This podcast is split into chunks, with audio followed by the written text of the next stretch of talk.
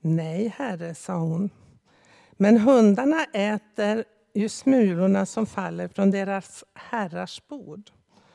Då sa Jesus till henne, Kvinna, din tro är stark. Det ska bli som du vill. Och från den stunden var hennes dotter frisk. Varsågod och sitt.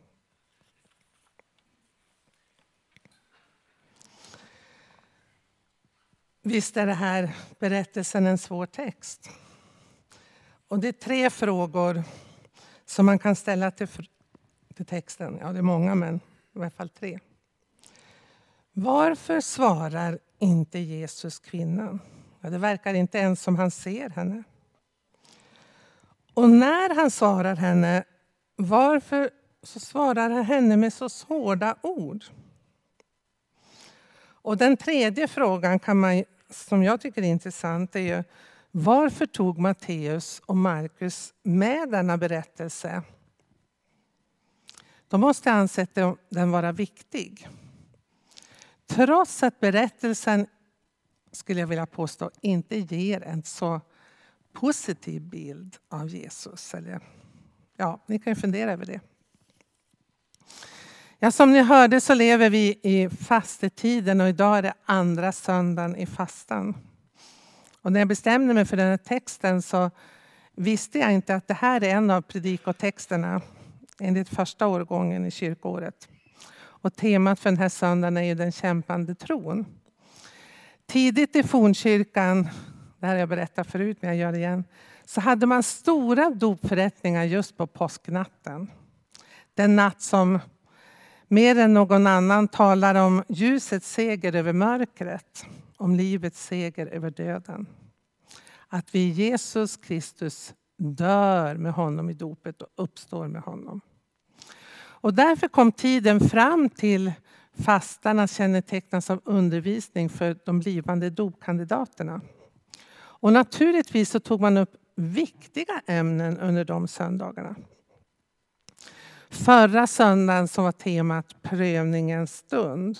Och då kan vi läsa om hur Jesus blev förd av anden, faktiskt efter dopet, in i öknen för att prövas av djävulen. Idag handlar det om den kämpande tron. Hur människor kämpar med Gud. När vi upplever att Gud inte svarar på våra böner, ja till och med när Gud är tyst, eller när vi inte längre känner igen Gud, så är vi inte ensamma. Nästa söndag kommer det handla om kampen mot det onda.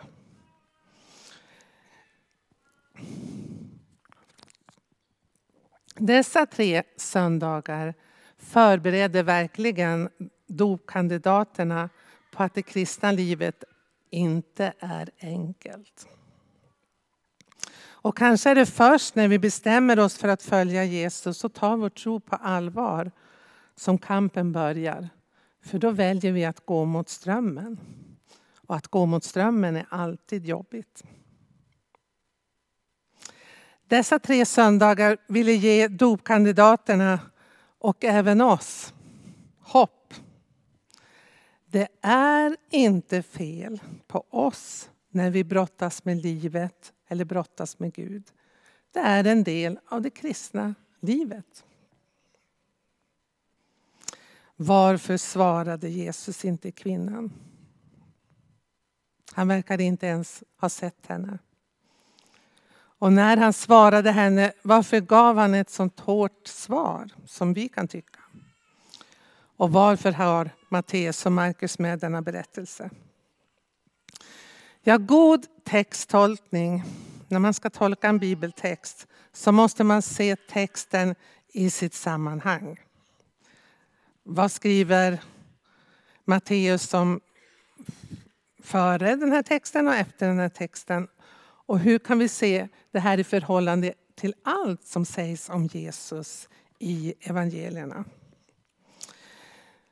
Ja, om vi läser texterna innan så ser vi att Jesus var inne i en mycket intensiv verksamhetsperiod.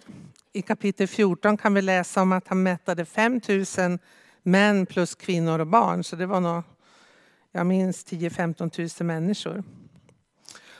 Och vi kan också läsa om hur många människor som sökte honom för att få hjälp och att de blev botade av många sjukdomar.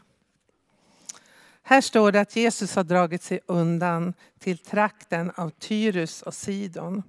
Alltså bort från Galileen, Nasaret och Kapernaum. Till en trakt där inte så många judar bodde. En plats som idag gränsar till Libanon. Och man kunde från Tyrus se den höjd som idag skiljer, som idag skiljer Israel och Libanon. Markus han berättar att Jesus inte ville att någon skulle få veta vart han hade tagit vägen. Men att lärjungarna och han inte lyckades hålla sig undan från folket utan de kom ändå. Och nu kommer den här kananeiska kvinnan som inte var judinna.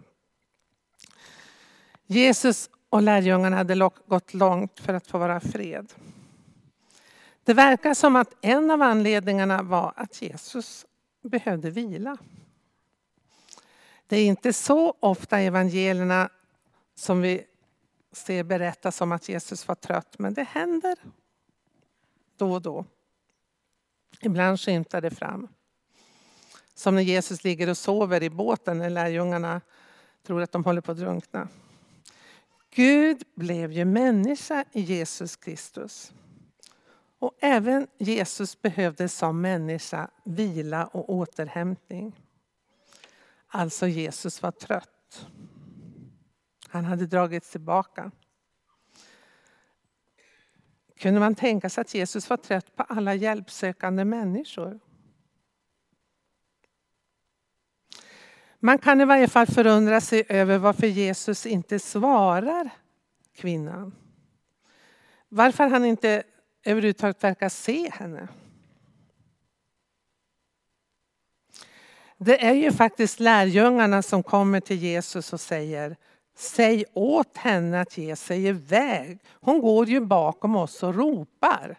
Alltså lärjungarna blir less på den här kvinnan. Jesus är tyst. Han verkar inte se henne. Guds tystnad som vi ibland kan uppleva är väl kanske det svåraste i det kristna livet. Jag ska återkomma till det. Kvinnan hon ropar Herre, Davids son, förbarma dig över mig. Min dotter plågas svårt av en demon. Kvinnan hon ger sig inte. Hon är frimodig, hon fortsätter att ropa. Och man kan ju undra, vad var det för någonting som gjorde att den här kvinnan var så modig att hon vågade besvära en judisk man som hade uppenbart sina lärjungar med sig. Och som det dessutom ryktades om att han, han kanske var den Messias som judarna väntade på skulle komma. Hon verkar ju själv tro att Jesus var Messias. Hon ropar Herre Davids son. Men hur vågade hon? Hon var, som vi kan se i texten, helt medveten om judarnas utvaldhet. Hon hörde inte till det judiska folket.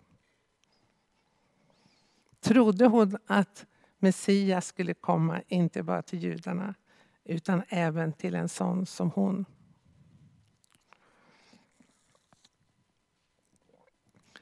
Varför svarade inte Jesus henne direkt? Om vi bara läser den här texten så får vi en bild av Jesus, eller hur? Han är tyst och trött. Men vi måste läsa Bibeln med andra texter och jämföra dem. Om vi ser lite tidigare i Matteus evangeliet, då står det om Jesus så här. I kapitel 9 och 36. När han, Jesus, såg människorna fylldes han av medlidande med dem för de var illa medfarna och hjälplösa som får utan herde. Det är fint. Jesus såg människorna, fylldes av medlidande. Det har vi hört många gånger. Och I det elfte kapitlet så säger Jesus Kom till mig alla ni som är tyngda av bördor så ska jag skänka er vila. Och lär av mig som har ett milt och ödmjukt hjärta. Och i Matteus 19, lite längre fram här i Matteus, så berättas det om två blinda män utanför Jerikos port som ropar Jesus, Davids son, förbarma dig över mig. Alltså samma rop. Då är det folket som försöker tysta de här männen. Men Jesus han stannar upp och kallar fram männen och frågar vad han kan göra för dem. Om vi söker svaret på frågan Vem är Jesus? Så måste vi se hela bilden, hela evangeliet. Därför att Jesus har ju visat oss vem Gud är. Och det vanligaste är ju att Jesus faktiskt möter människors nöd och fylls av medlidande när han ser människor i nöd. Kvinnan hon är desperat. Hon ger sig inte. Hon fortsätter och ropar.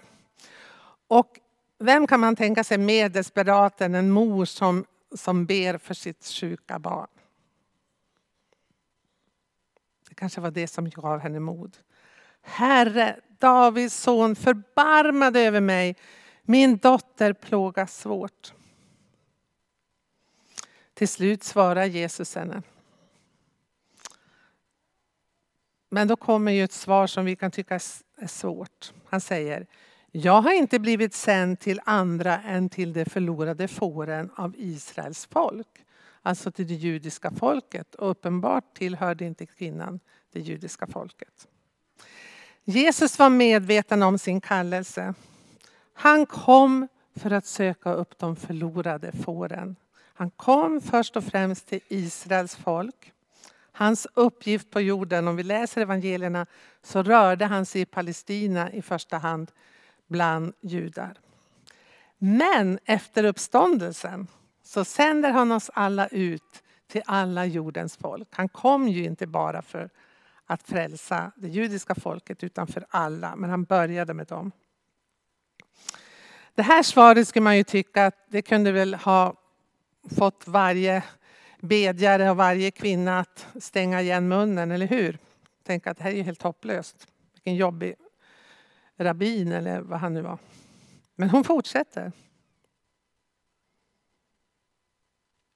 Hon går fram till Jesus och hon faller på knä och säger Herre, hjälp mig. Och då kan man ju tycka att nästa svar som Jesus ger är ju ännu värre. Det är inte rätt att ta brödet från barnen och kasta åt hundarna. Vilket svar! Kvinnan hon var fullt medveten om att de religiösa judarna ansåg att alla hedningar, alla icke-judar var orena. Ja, nästan som smutsiga hundar i religiös bemärkelse. Då. Men i den grekiska texten som Bibeln är skriven på så finns det två olika ord för hund. Ett för hundar som springer runt och letar i sophundarna, alltså vilda hundar som vi kan se ibland när vi är i Mellanöstern. Och ett annat ord för sällskapshundar, alltså husdjur. Eller vad säger. Och det är det sista ordet Jesus använder. Han, och det mildrar ju ut, ut det här Jesus säger. Kasta åt hundarna. Ibland när man ser djur, hundägare så kan man säga Åh, vad de älskar sina hundar. De sitter i knät och de håller om dem. Om de matar dem vid bordet eller, och alltihop det där. De. Ja, jag har ingen egen hund, men ni som har det vet. Ett husdjur, en hund som inne, är nästan en del av familjen. Och man kan vara ganska säker på att hunden befinner sig under bordet när familjen äter, eller hur? Om man inte har låst in honom eller henne. Kvinnan ifrågasätter inte judarnas särskilda kallelse, utvaldhet. Men hon ger sig ändå inte. Hon är otroligt smart. Hennes argument är ju smart, eller hur? Och här går hon emot en judisk rabbin som många trodde var Messias. Hon säger ju... Ursäkta. Nej, Herre, men här, hundarna äter ju smulorna som faller från deras herrars bord. Tala om ödmjukhet. Man kan ju undra hur samtalet lät när Jesus pratade med den här kvinnan. Snäste Jesus och kvinnan? Eller fanns det kärlek i rösten? Mildhet? Var han lite retsam? Lite så vänligt retsam? Det tror jag. Jag tror det var Jesus röst, hans ögon, att han faktiskt till slut såg henne som gjorde att hon vågade säga emot honom och nästan kräva att Jesus skulle svara, eller kräva att Jesus skulle svara på hennes bön. Och hon fick sin belöning. Hennes uthållighet och hennes mod belönade sig. Och Jesus säger, kvinna, din tro är stark, det ska bli som du vill. Och hennes dotter blev frisk. En teolog som heter Bengt Holmberg har skrivit så här. Detta är enda gången i en människa i evangelierna har fått Jesus att ändra sig. För först verkar det som att han inte vill svara på hennes bön, eller hur? Men sen gör han det. Han säger, din tro kvinna, din tro är stark. Varför finns då denna berättelse i evangelierna? Ja, I början av kapitel 15 så kan vi se att Jesus diskuterar med fariseerna och de religiösa lärarna. De kommer till Jesus och säger att dina lärjungar tvättar inte händerna innan de äter. Vi är ju vana att göra det av helt hygieniska skäl. Men för dem var det en religiös plikt. Man skulle tvätta händerna innan man åt. Jesus han försvarar lärjungarna. Han säger att ja, ni håller vissa bud men andra bryr ni er inte om. Därför att det var ju så att fariséerna höll inte bara lagen, alltså Torah, utan de hade ju lagt till en massa regler. Och det bland annat var det här att man måste tvätta händerna innan man äter. Och så säger han väldigt hårda ord till fariseerna. Som är hämtade från Jesaja 29. Detta folk ärar mig med sina läppar men deras hjärtan är långt ifrån mig. Fåfängt dyrkar de mig för deras läror är människors bud. Självklart tog fariseerna väldigt illa vid sig. Och det är lärjungarna som kommer och påpekar det här för Jesus att de tog illa vid sig. Och då säger Jesus, bry er inte om dem. De är blinda ledare som leder blinda. Ganska hårda ord. Och så kommer denna berättelse om en kvinna som inte är judinna och som Jesus säger har en stark tro. Och som jag kommer ihåg det, är det någon annan som har någon, kommer ihåg något annat, så är det bara två personer i evangelierna som Jesus säger har en stark tro. Den ena är den här kvinnan. Den andra är en romersk officer som ber för sin tjänare. Det är lite intressant.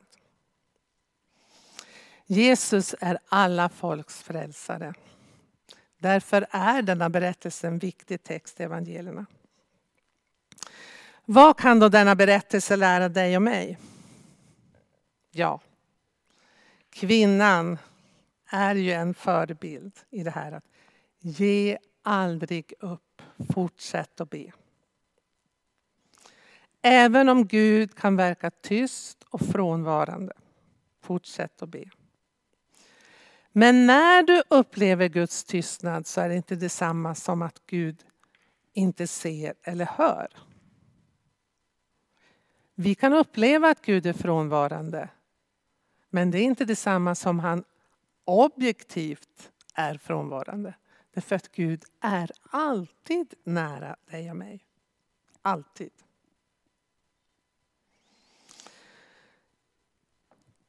Det är skillnad på att uppleva Guds frånvaro och att det verkligen är så.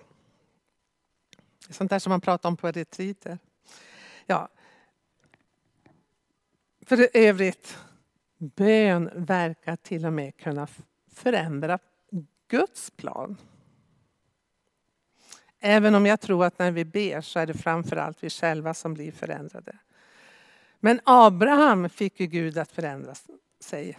Mose fick Gud att förändra sin tanke på att han skulle förgöra sitt folk. Och den här kvinnan fick Jesus att verkligen ändra sig. Han verkar inte som han hade tänkt svara på hennes bön, men han gjorde det. Guds tystnad. När vi upplever Guds tystnad så prövas vår tillit och förtröstan på Gud.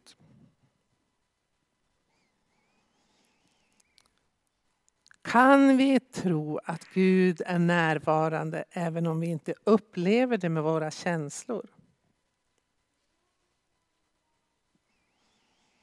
Det finns en tillit som är bortom de ytliga känslorna.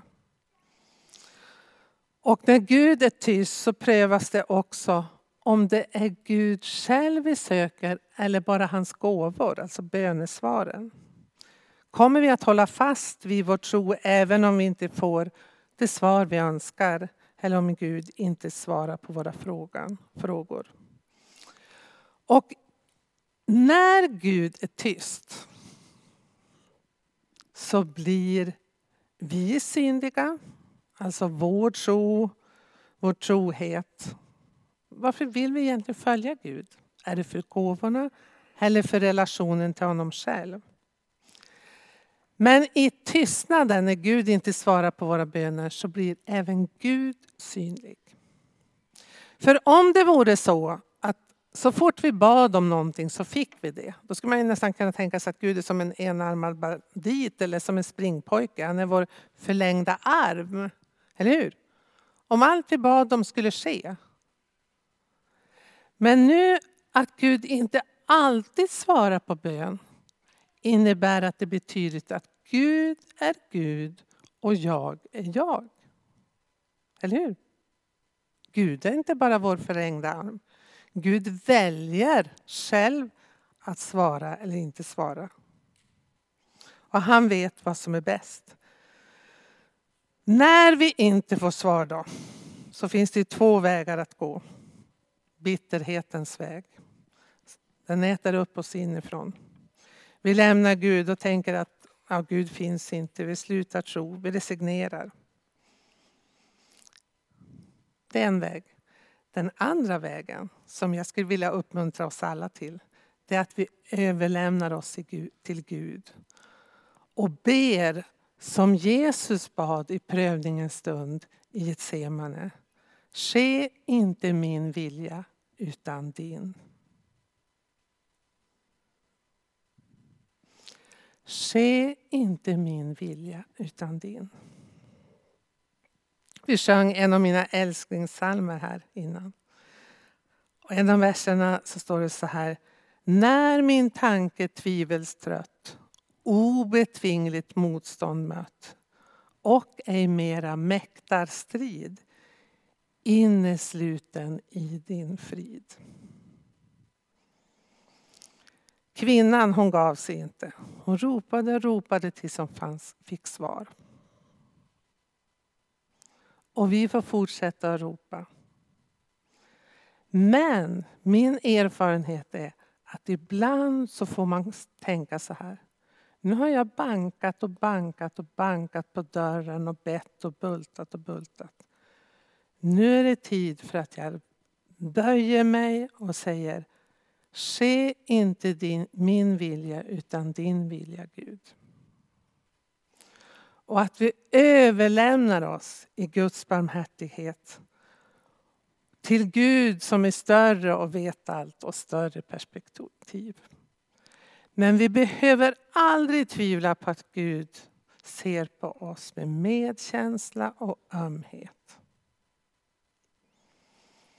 Jag brukar ju citera Ove Wikström Och I veckan har jag haft, gjort det flera gånger i samtal. Han som säger, han har sagt så här. Tillvarons yttersta verklighet är ömhet. Det är helt fantastiskt. Gud är medkänsla, barmhärtighet, ömhet. Och han är tillvarons yttersta verklighet. Trots allt lidande vi ser i världen, allt hemskt som händer, allt som kanske hemskt som händer i våra liv, så kan vi med Guds hjälp, med tron, hålla fast vid att den yttersta verkligheten är god. Man kan till och med säga att den är ömhet. Visst är det fint? Vi ber.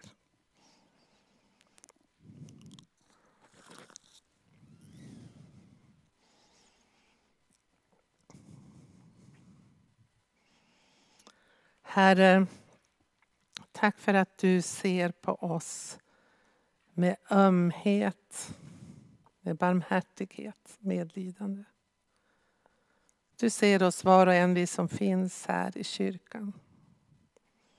Du ser vilka tankar som har väckts i oss under den här predikan. Vilka tankar vi bar med oss. Den nöd vi bar med oss in i kyrkan. Tack för att du ser allt och vet allt. Och tack för att du är god och din vilja alltid är bäst. Amen.